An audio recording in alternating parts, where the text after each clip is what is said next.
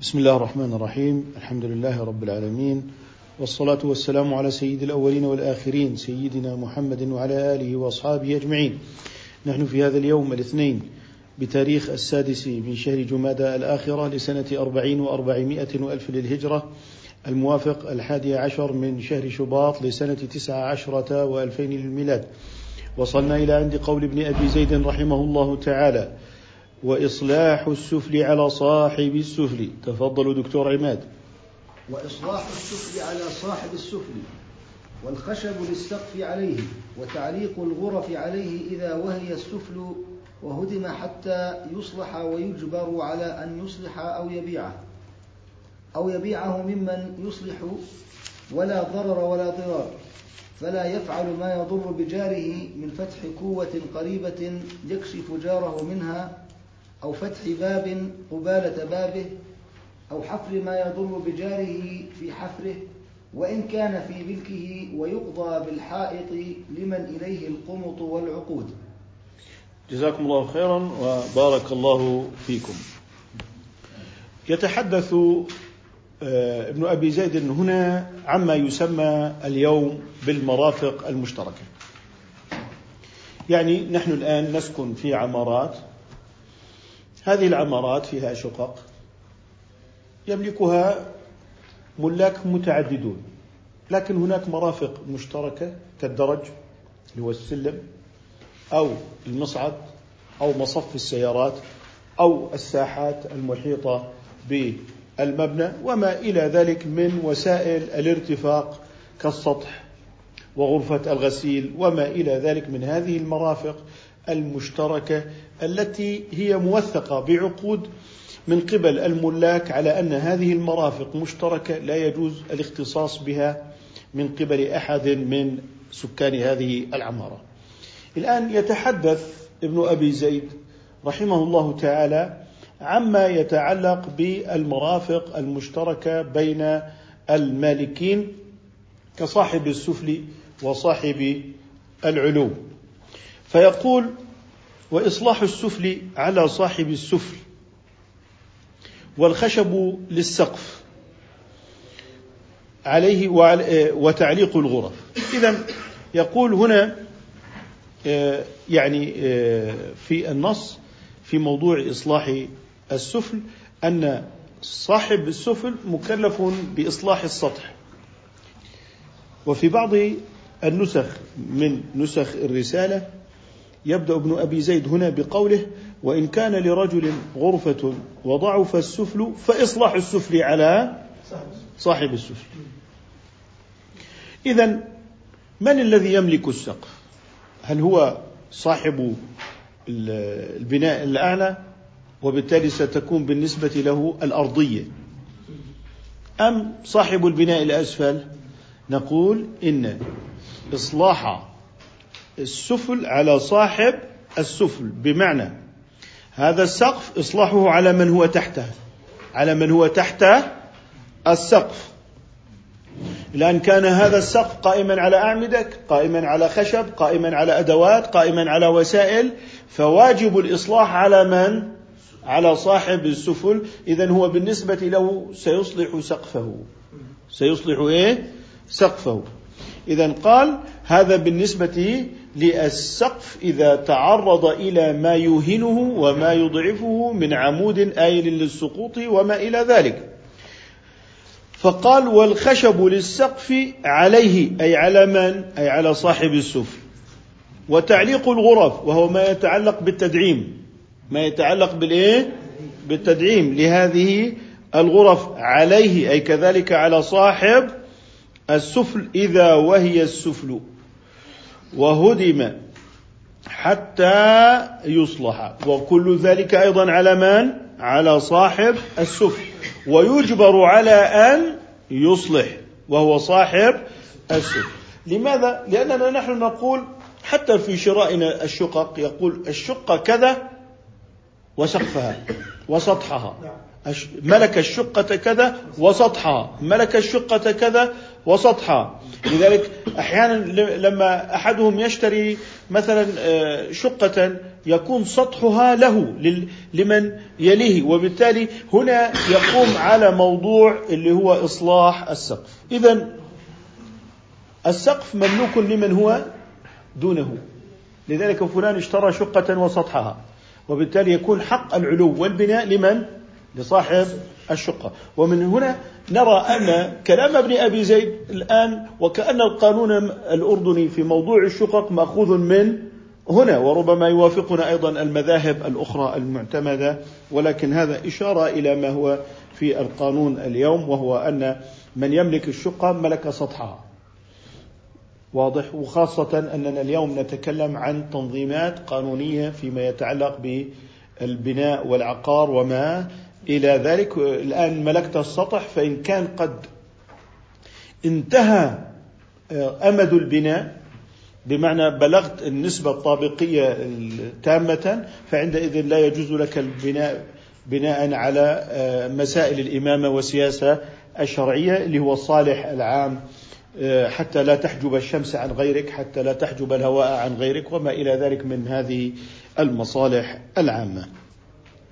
إذا قال فعلى فرض أن هذا المالك لم يصلح سقفه.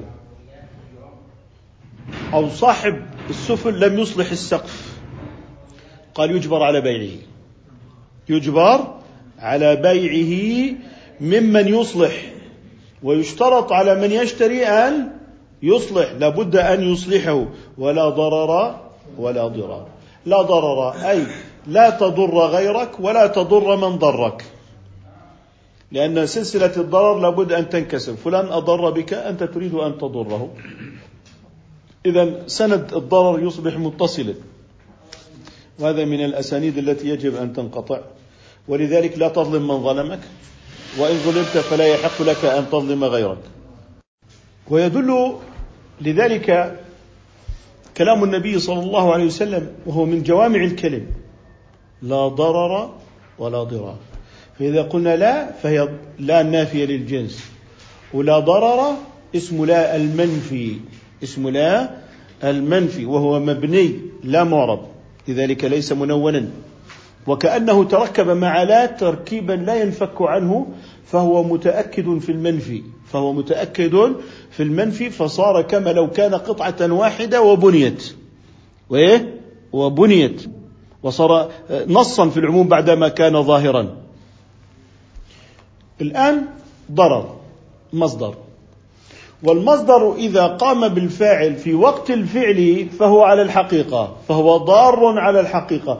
فإذا ارتكب الضرر وانتهى فهو فاعل للضرر ضار وإن كان أثناء صلاته وإن كان أثناء حجه وقد انقطع الفعل سابقا فإنما نسميه ضارا بالمجاز كالسارق فهو يسرق فهو على الحقيقة. فإذا انتهت السرقة وذهب إلى الحج وبدأ يخطب في الأمانة وبدأ يدعو الناس إلى آه، إلى الصلاح والتقوى فهو في هذا الوقت سارق مجازا. سارق إيه؟ مجازا. لكن الآية الكريمة تنطبق عليه على وصف السارق على وصف الإيه؟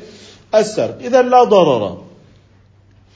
معنى هذا أنه إذا نفى المصدر فالمصدر هو أصل الفعل وهو أصل اسم الفاعل وهو أصل اسم المفعول.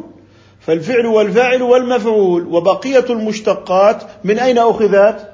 من المصدر. وهذا على مذهبنا نحن البصريين. أن المصدر هو ما دل على حدث مجردا عن الزمان. المصدر اسمه ما سوى الزمان من مدلولي الفعل كأمن من أمن. أمن في الماضي حدث زائد زمان في الماضي. يأمن حدث زائد زمان في الحاضر. واضح؟ إيمن أي في المستقبل مع الحدث. إذا الفعل يدل على الحدث مع الزمن. أما المصدر فهو الحدث. فهو إيه؟ الحدث. بناء عليه عندما نفى المصدر فقد نفى كل شيء. ويدل على نفي اسم الفاعل ونفي اسم المفعول ونفي الفعل. لأن المصدر فيها جميعا. وهذا دليل على عموم النفي عن الضرر. وحذف الخبر. هل الخبر كائن؟ جائز؟ شرعا؟ أم ينفي يتكلم عن الواقعات والعاديات؟ بما أنه في لسان الشارع فإنما يتكلم عما يحل وما يحرم. ما يحل وما يحرم. لا يتكلم عن العاديات من حيث وقوعها أو عدم وقوعها. النحاة يشترطون لجواز حذف الخبر أن يكون كونا عاما. بمعنى استقر استقرار بمعنى كان أو كينونة أو كون. تقول لا رجل في الدار. أي موجود. والخبر محذوف. وفي الدار متعلق بالخبر المحذوف وهو كائن. إذا حذفه لأنه كون عام. أما هنا في الحديث فعندما نتكلم في إعرابه نتكلم بالكون العام. لكننا عندما نتكلم في مراد الشارع فإننا نلاحظ ما جاء من أجله الشارع وهو رسول الله صلى الله عليه وسلم وهو لبيان الحلال والحرام وما يترتب عليه الجزاء الأخروي ثوابا وعقابا. وعليه عندما يقول إنما الأعمال بالنيات لا تقول إنما الأعمال كائنة لأن الأعمال تقع بلا نية كالبيوع والإيجارات والسرقات ونية التقرب فيها غير موجودة. وعليه عندما نريد أن نفهم كلام الشارع فإنما نبحث عن مراده من خطابه هو ولما جاء من أجله وهناك فرق بين الصنعة النحوية أن نبحث عن نفي الخبر الذي هل هو الكون العام وبين المراد للمتكلم الذي لم يأتي ليبين الوقوع من عدمه ولم يأتي لبيان العاديات إنما جاء لبيان الشرعيات التي يترتب عليها الثواب والعقاب ومن هنا نقول لا ضرر جائز. لا ضرر كما قلنا في النحو كائن هنا نقول جائز. والجواز هنا من حيث الشرع ليس الجواز العقلي وليس الجواز العادي. واضح؟ اذا نتعامل مع الشارع بلغته هو وبخطابه هو ولا نتعامل معه عالم كما لو كان قصيدة لامرئ القيس. اذا هناك اختلاف في البحث عن مراد الشارع وهو مراد المتكلم وهو ما ينبغي على الفقيه المجتهد النظر فيه بمقتضى ما يطلع به من دلالة الحمل التي هي صفة في السامع. نحن هنا سمعنا رسول الله صلى الله عليه وسلم يقول لا ضرر.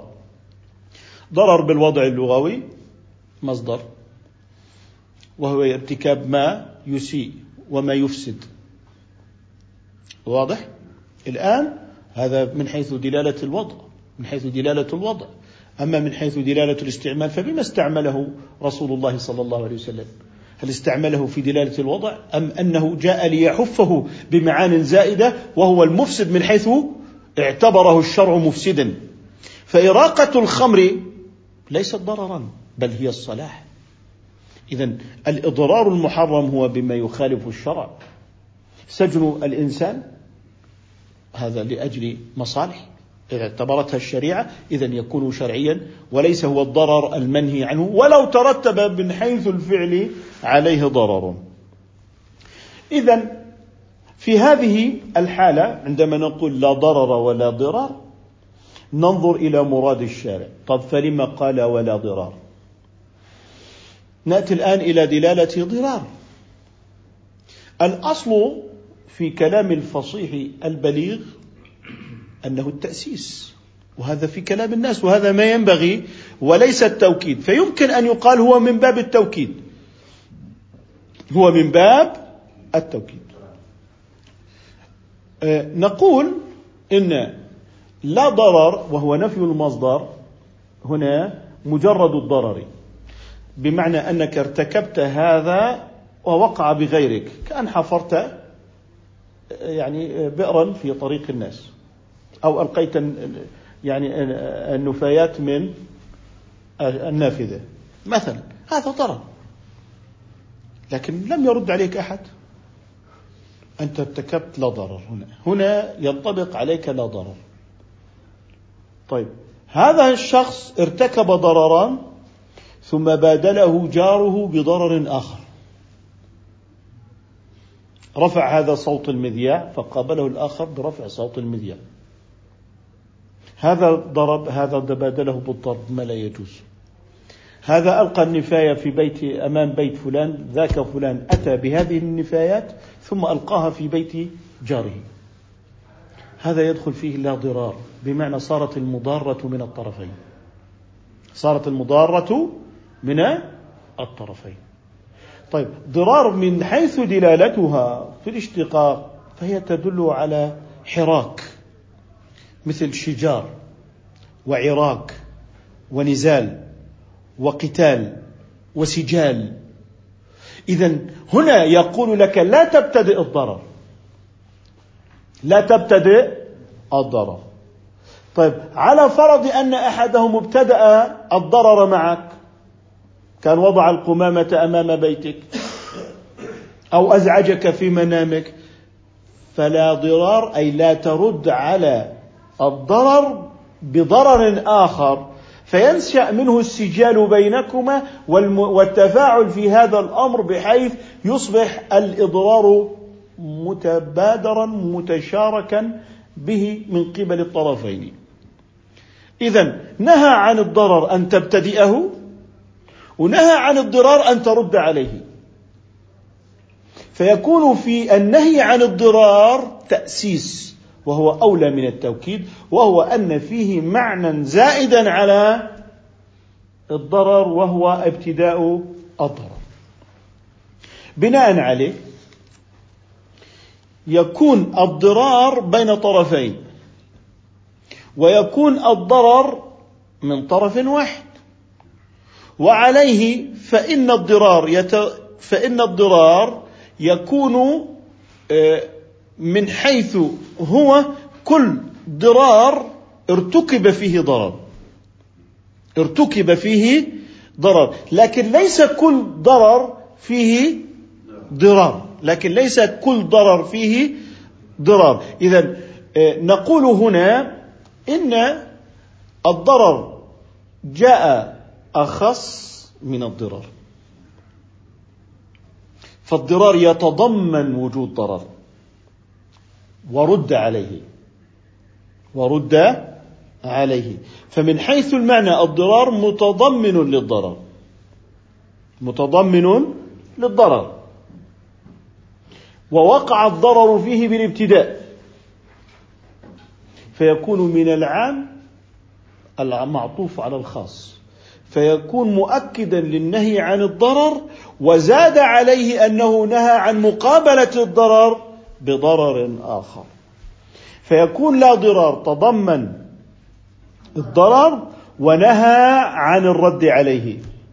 ونهى عن الرد عليه. فيصبح النهي عن الضرر وابتدائه يصبح ذكره الشارع مرتين. في المرة الأولى ذكره وحده ثم كرره في الجملة الثانية بالنهي عنه والمتابعة والرد عليه. وهذه فائدة بمعنى أنه نهى عن ابتداء الضرر مرتين. نهى عن ابتداء الضرر مرتين. ونهى عن الرد على الضرر من باب التأسيس في مرة واحدة. لماذا؟ يصبح هنا أنه تأكد النهي عن ابتداء الضرر لأنه يترتب عليه إيه؟ الرد فإذا نهيت عن ابتدائه فقد يعني تلافيت الرد وأصبح الرد عدما فيصبح النهي عن الابتداء منهيا عنه مرتين وهذا دليل على خطره وأنه أخطر من الرد فما حدث الرد إلا لوجود الحلقة الأولى الفاسدة وهي إيه؟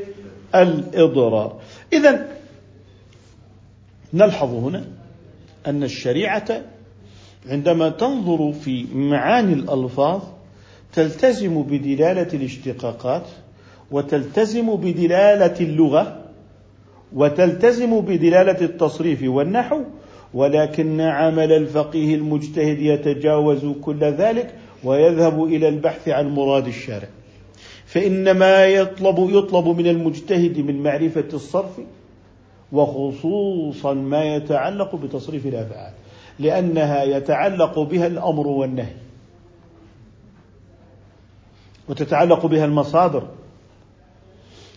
فهي أهم من الأسماء وإن كان تصريف الأسماء مهما لأن الأسماء من طبيعتها اللقب وأن الشريعة لا تعلق الأحكام بالألقاب. بل إن مفهوم اللقب هو أضعف المفاهيم من حيث دلالته على المعنى. محمد رسول الله. لا ينفي أن نوحا رسول. فلذلك هنا ينبني الفكر والاجتهاد الأصولي على عدة أدوات وكلها متعلقة بالدراية. فلا يطلب من المجتهد أن يحفظ حديثا واحدا وليس عليه أن يحفظ إلا ما تصح به الصلاة ولو الفاتحة. لكن لا بد أن يكون صاحب ملكة ولا بد أن يكون له سجية وطبع في هذا العلم. فيبني على النحو ولا بد أن يكون في النحو. قالوا قال بعضهم أن يكون متوسطا فيه وقال بعضهم بل لابد أن يبلغ فيه الشأوى الأعلى كسيبويه. كسيبويه. ولذلك هنا تتضح المعاني لما يمتلك هذا المجتهد أدوات النظر ولا بد أن يكثر من النظر بالفروع وينظر في تعليلاتها وينظر في عموم نصوصها فإن مدار الحكم الشرعي على النص والعلة والمقصد والمآل. وليس عبارة عن نظرات جزئية عابرة في النص أن يرى ظاهر نص ثم يطير به ويجول به بين الناس. فليس هذا هو الفقه. بناء عليه.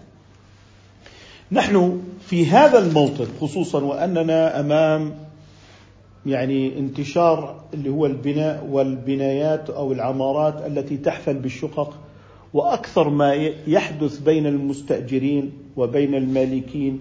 هو موضوع إما إزعاج إما موضوع نظافة إما موضوع الاختلاف على المرافق المشتركة مثل مصفات السيارات مثل خزانات المياه. آه، المصعد على إصلاحه على من؟ هل الذي في الطابق الرابع كالذي في الطابق الأول؟ ربما يكون الذي في الطابق الارضي أنا ليس لي علاقة في هذا الأمر وأنا لست محتاجا إليه. نرجع إلى ما هو من نظام الشقق. الذي هو عبارة عن قانون. وبالتالي عندما نسأل عن ذلك تلزم الاستشارة القانونية. بمعنى هناك تنظيم وهذا التنظيم خاضع للسياسة الشرعية. ليس كفرا. ليس مخالفا لجزء مجمع عليه في ديننا. إنما هو راجع لقيد درء المفاسد من بين الناس وتحقيق المصالح بين الناس والتوافق بينهم في هذا المرفق المشترك فيما بينهم. كالمصعد وما إلى ذلك. من هنا أن كلمة النبي صلى الله عليه وسلم الموجزة توضع كعنوان بارز بين هؤلاء الملاك لا ضرر ولا ضرار. لا تضر أخاك حتى لا يتحول الأمر إلى مضاره متبادله فيتحقق الضرار.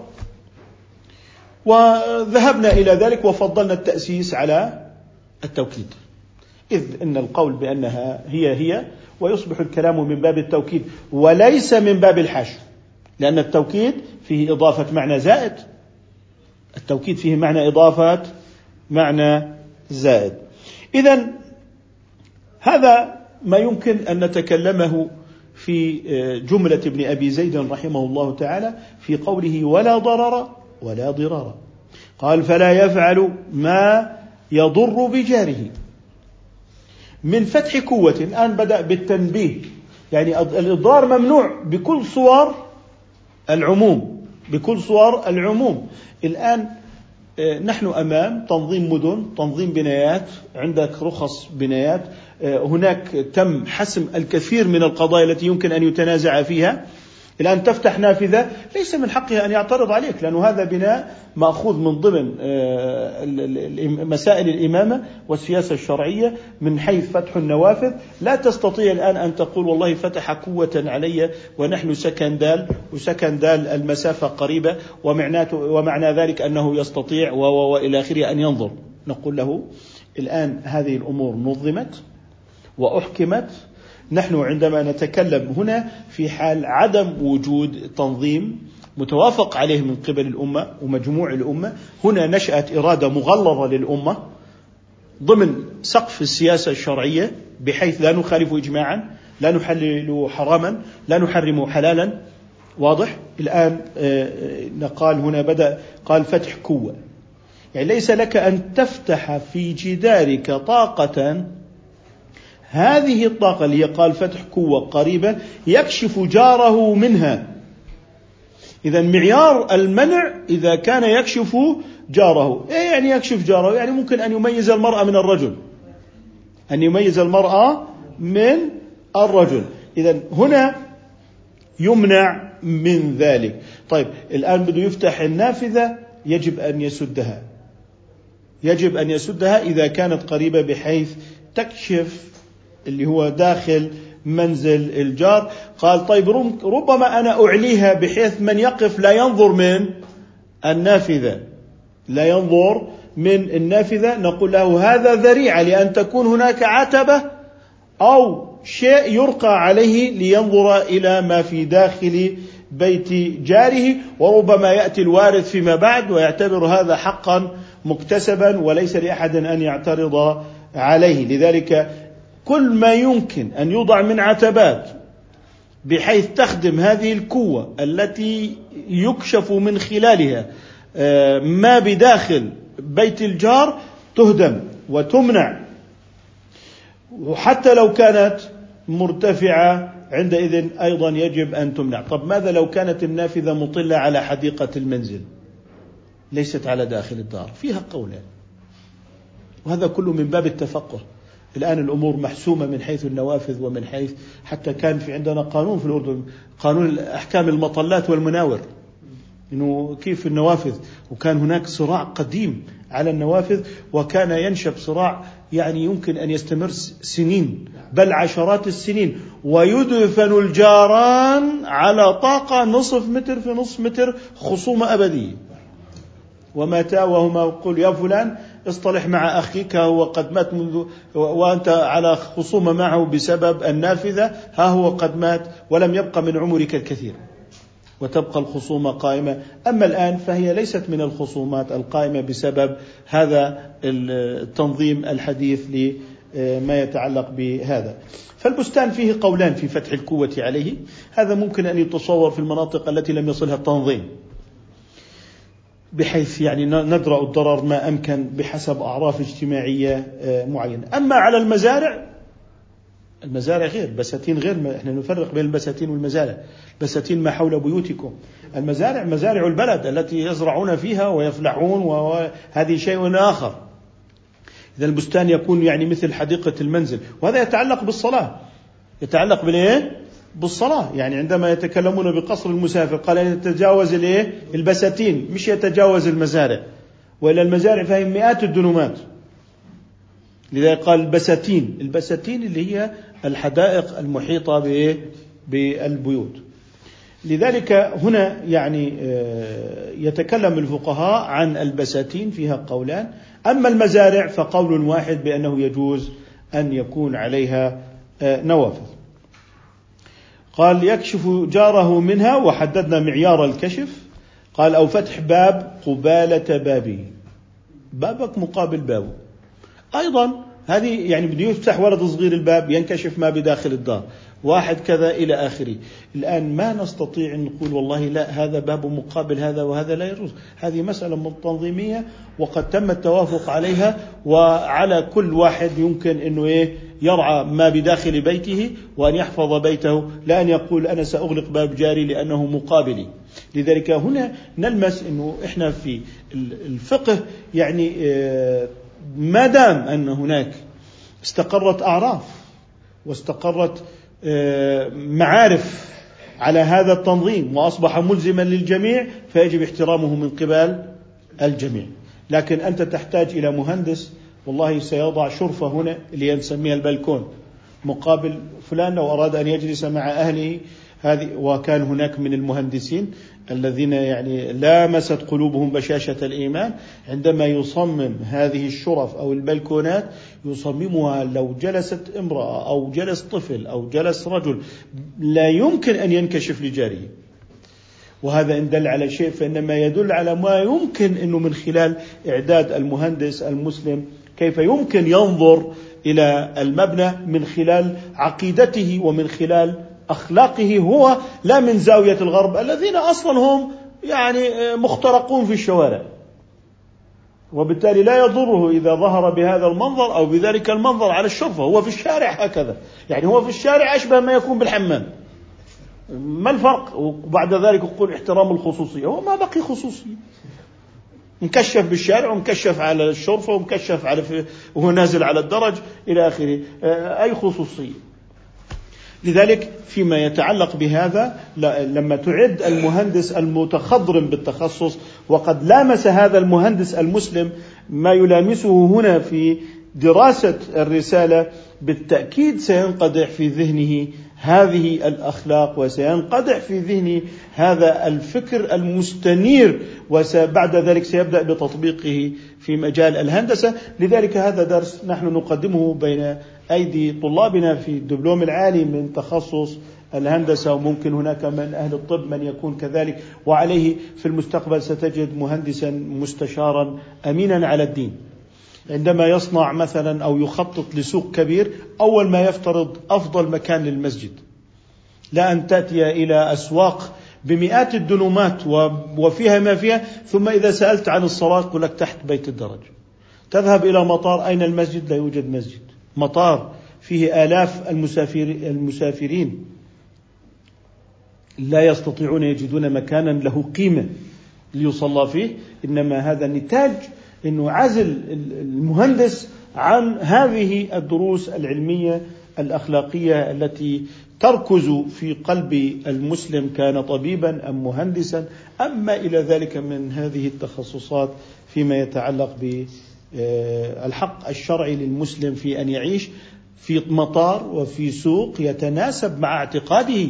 هذه الشمولية. ليست الشمولية التغني الإسلام صالح لكل زمان ومكان لكننا إذا نزلنا إلى الزمان والمكان وجدنا أنفسنا خارج الزمان وخارج المكان وتصبح الزمان والمكان وشمول الإسلام لمرافق الحياة. هي عبارة عن أنشودة أنشودة خيالية يتغنى بها آه، المتدينون في المجالس. لا عليك هنا أن تدخل في عمق التفاصيل. إذا قال أو وكلها مدارها على الإضرار. كلها مدارها على إيه؟ إضرار. يعني الآن قال والله مثلا والله عندي باب مقابل باب. طب الآن عندنا اللي هو الزنبرك بتاع الباب. مجرد ما فتحته تركته أغلق وحده. تمام. هناك أدوات صناعية تؤدي إلى دفع الإضرار. إنه لا يمكن أن يبقى الباب الرئيسي هكذا مشرعا بسبب يعني جهل صبي صغير وأسرة محترمة ومتدينة وبعد ذلك لم ينتبهوا إلى ما فعله هذا الصبي. لا ركب هذا كله شيء ليس مكلفا. ليس مكلفا وهو من باب الإيه؟ الستر والخصوصية. يعني إذا قلنا من باب الستر تخلف وإذا قلنا من باب الخصوصية تصبح كلمة أجمل يعني. يعني ما يأتي من البهرج هناك يعني خصوصية برايفسي خلاص. يعني إنه أنت ما شاء الله الآن بدأنا نتكلم خصوصية. أما لو قلنا أستر آه، دقة قديمة. والله متخلف. إيه أستر ومش أستر؟ لا لا. يعني ما هي هي هي المعنى المعنى. لذلك هذا مطلوب فيه احترام البيوت والبيوت بحد ذاتها ولو لم يكن فيها نساء عورة. بمعنى أن الناس لا يحبون أن يرى أحدهم بيتهم وهو على هذا. ما زالوا لم ينظفوه فربما يمر أحدهم يقول هذا بيت وسخ وأهله لا يهتمون بالنظافة. لكنك رأيت يعني واحد بالمئة من اليوم فقط أو من الأربع والعشرين ساعة أو من الأربع والعشرين ساعة. المهم قال أو حفر ما يضر بجاره في حف في حفره وإن كان في ملكه اذا حتى لو كان في ملكك لا يجوز لك أن تحفر حفرة تؤذي بناء جارك. يعني الآن لو قلنا أراد أن يستصدر ترخيص حفر. قلوا لازم الأمانة توافق. أنا أفعل في ملكي. لا لابد أن أوافق. لأن هذه المنطقة الأرض فيها رخوة.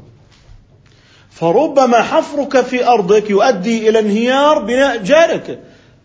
ويعني الفيديوهات في انهيار المباني بسبب الحرف الحفر وانهيار الطرق موجودة. إذا نحن هنا نؤسس أيضا. لأنه حتى في ملكك ولو كان يعني في ملكك فأنت لست مطلق التصرف. أنت تتصرف بما لا يضر بالغير بما لا يضر بالغير إذا منعناك من التصرف. نحن لم نقل لك حق التصرف وبعد ذلك منعناك. نحن قلنا لك يمنع التصرف وبالتالي مسألة التعسف في استعمال الحق. نحن لم نمنحك لم نمنحك الحق أصلا. لم نمنحك الحق. وبالتالي كيف أقول التعسف في استعمال الحق؟ وأنا قلت لك هذا ليس من حقك. طيب هل يعقل أن أقول لك هذا من حقك لكن لا يجوز أن تستعمله؟ لا أستطيع. طيب إذا أنا قلت لك تبني على خمسين في المئة من الأرض بموجب قانون المباني هل أنا أعطيتك حقا ثم منعته؟ أم أنا قيدت الحق وأصبح هذا في أرضك من حقك وهذا ليس من حقك؟ إذا أنا لم أمنعك لم أمنحك حقا ثم قلت لك هذا حقك ثم أمنعك.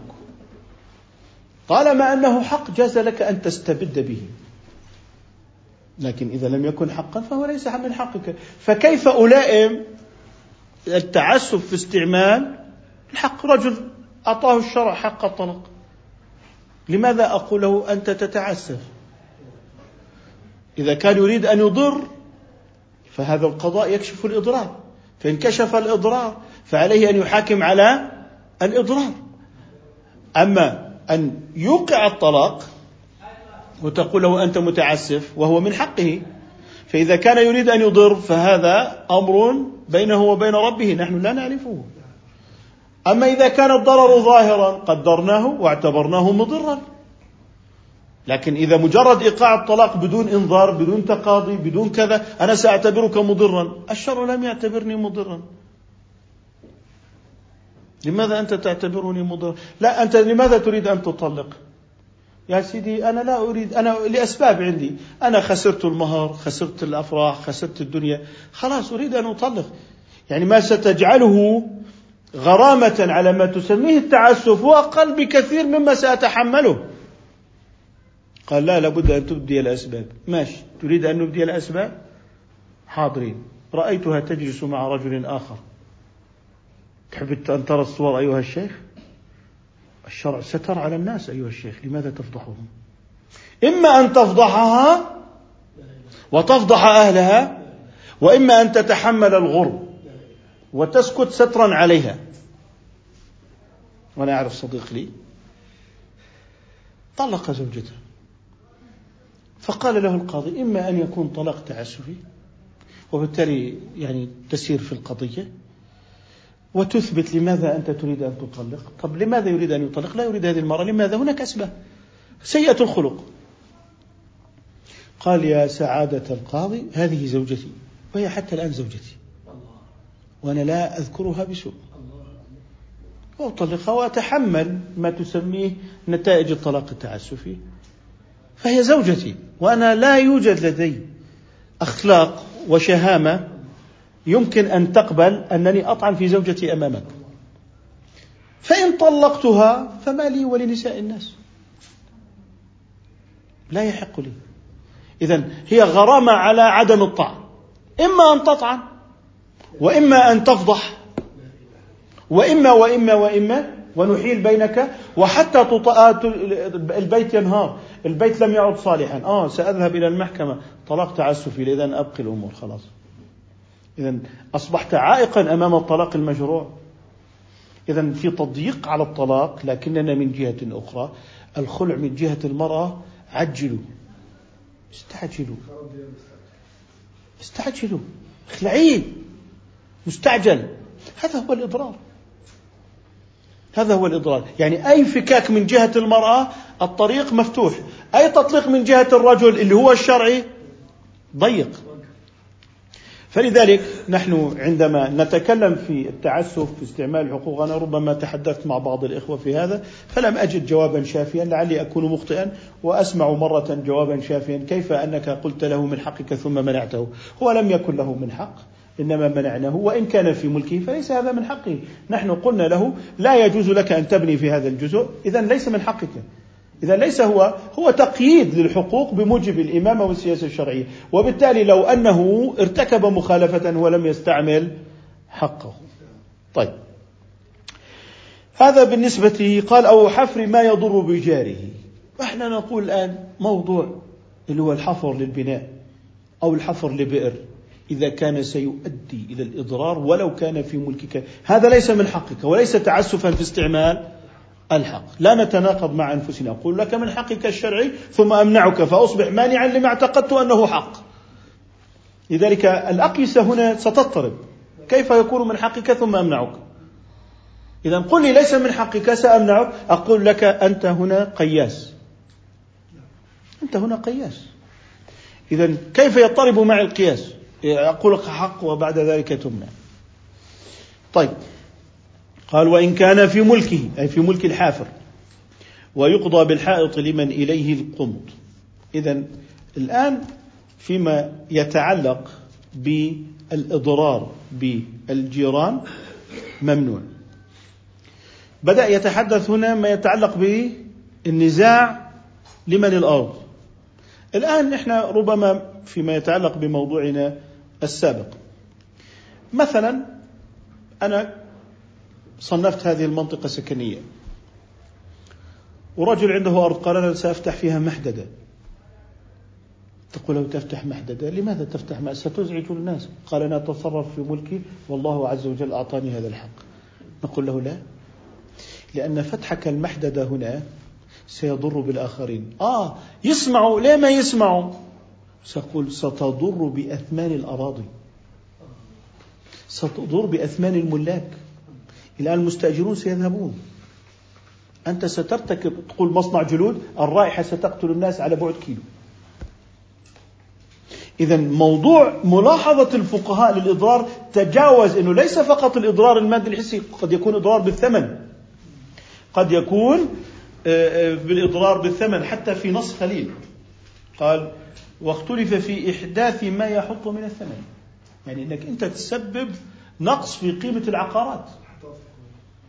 نقص في قيمة العقارات. لذلك ستجد أن الناس يلاحظون أن هذا يعني حتى مركز تجاري. يقول لك تأذينا منه تأذينا منه آه، أدى إلى يعني تلف. أدى أدى إلى آخره. مصنع الإسمنت. تيجي تأتي تقول أنا والله هذا مصنع إسمنت بجوار مناطق سكنية. على مسافة الخمسة وستة وسبعة كيلومتر في مواد كيماوية متطايرة.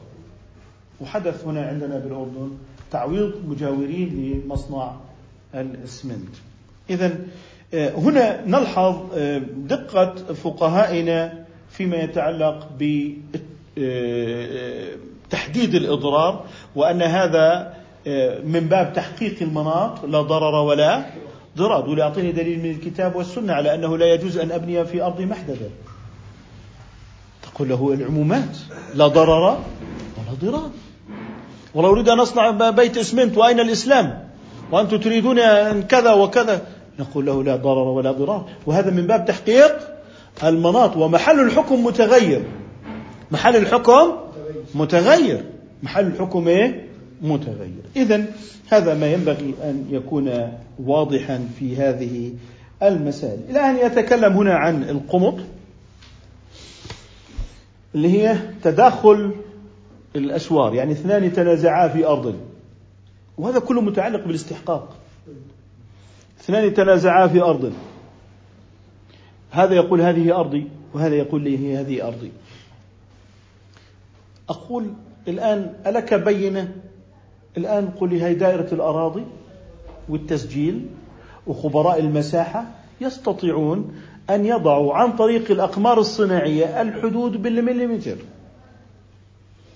نقول هنا لا دخل للقمط والقمط ولا دخل لإيه؟ لهذا حط شجرة هذا غرس هنا. نرجع إلى القواطع الحسية القاطعة للمنازعة التي رسمت بخبرة هندسية موثقة لدينا.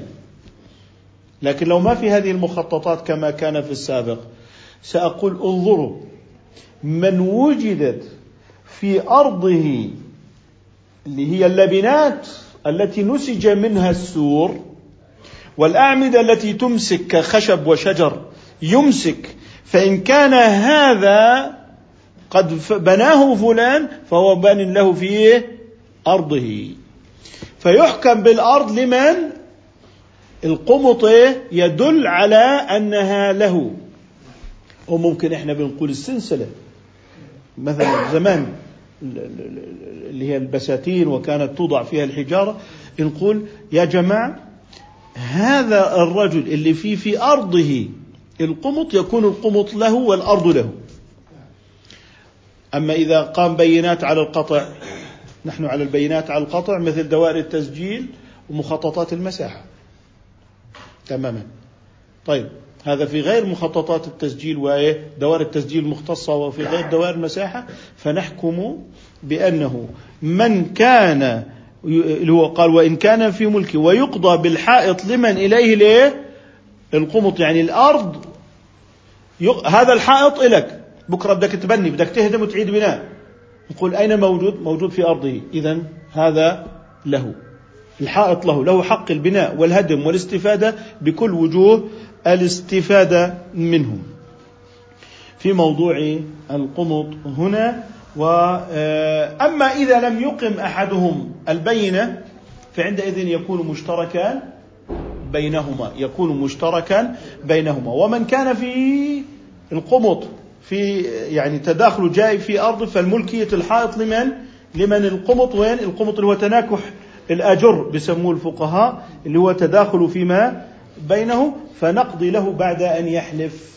فيكون القمط في أرضه شاهد من العرف ثم يحلف ونقضي له بالقمط. فإن لم يحلف وذاك لم يحلف وتنكل كلاهما ولم يعني يثبت أحدهما فإنما نقضي لهما لهما جميعا بأنه مناصفة إن ادعاه كل منهما جميعه. نكتفي بهذا القدر إن شاء الله سبحانك اللهم وبحمدك نشهد أن لا إله إلا أنت نستغفرك ونتوب إليك.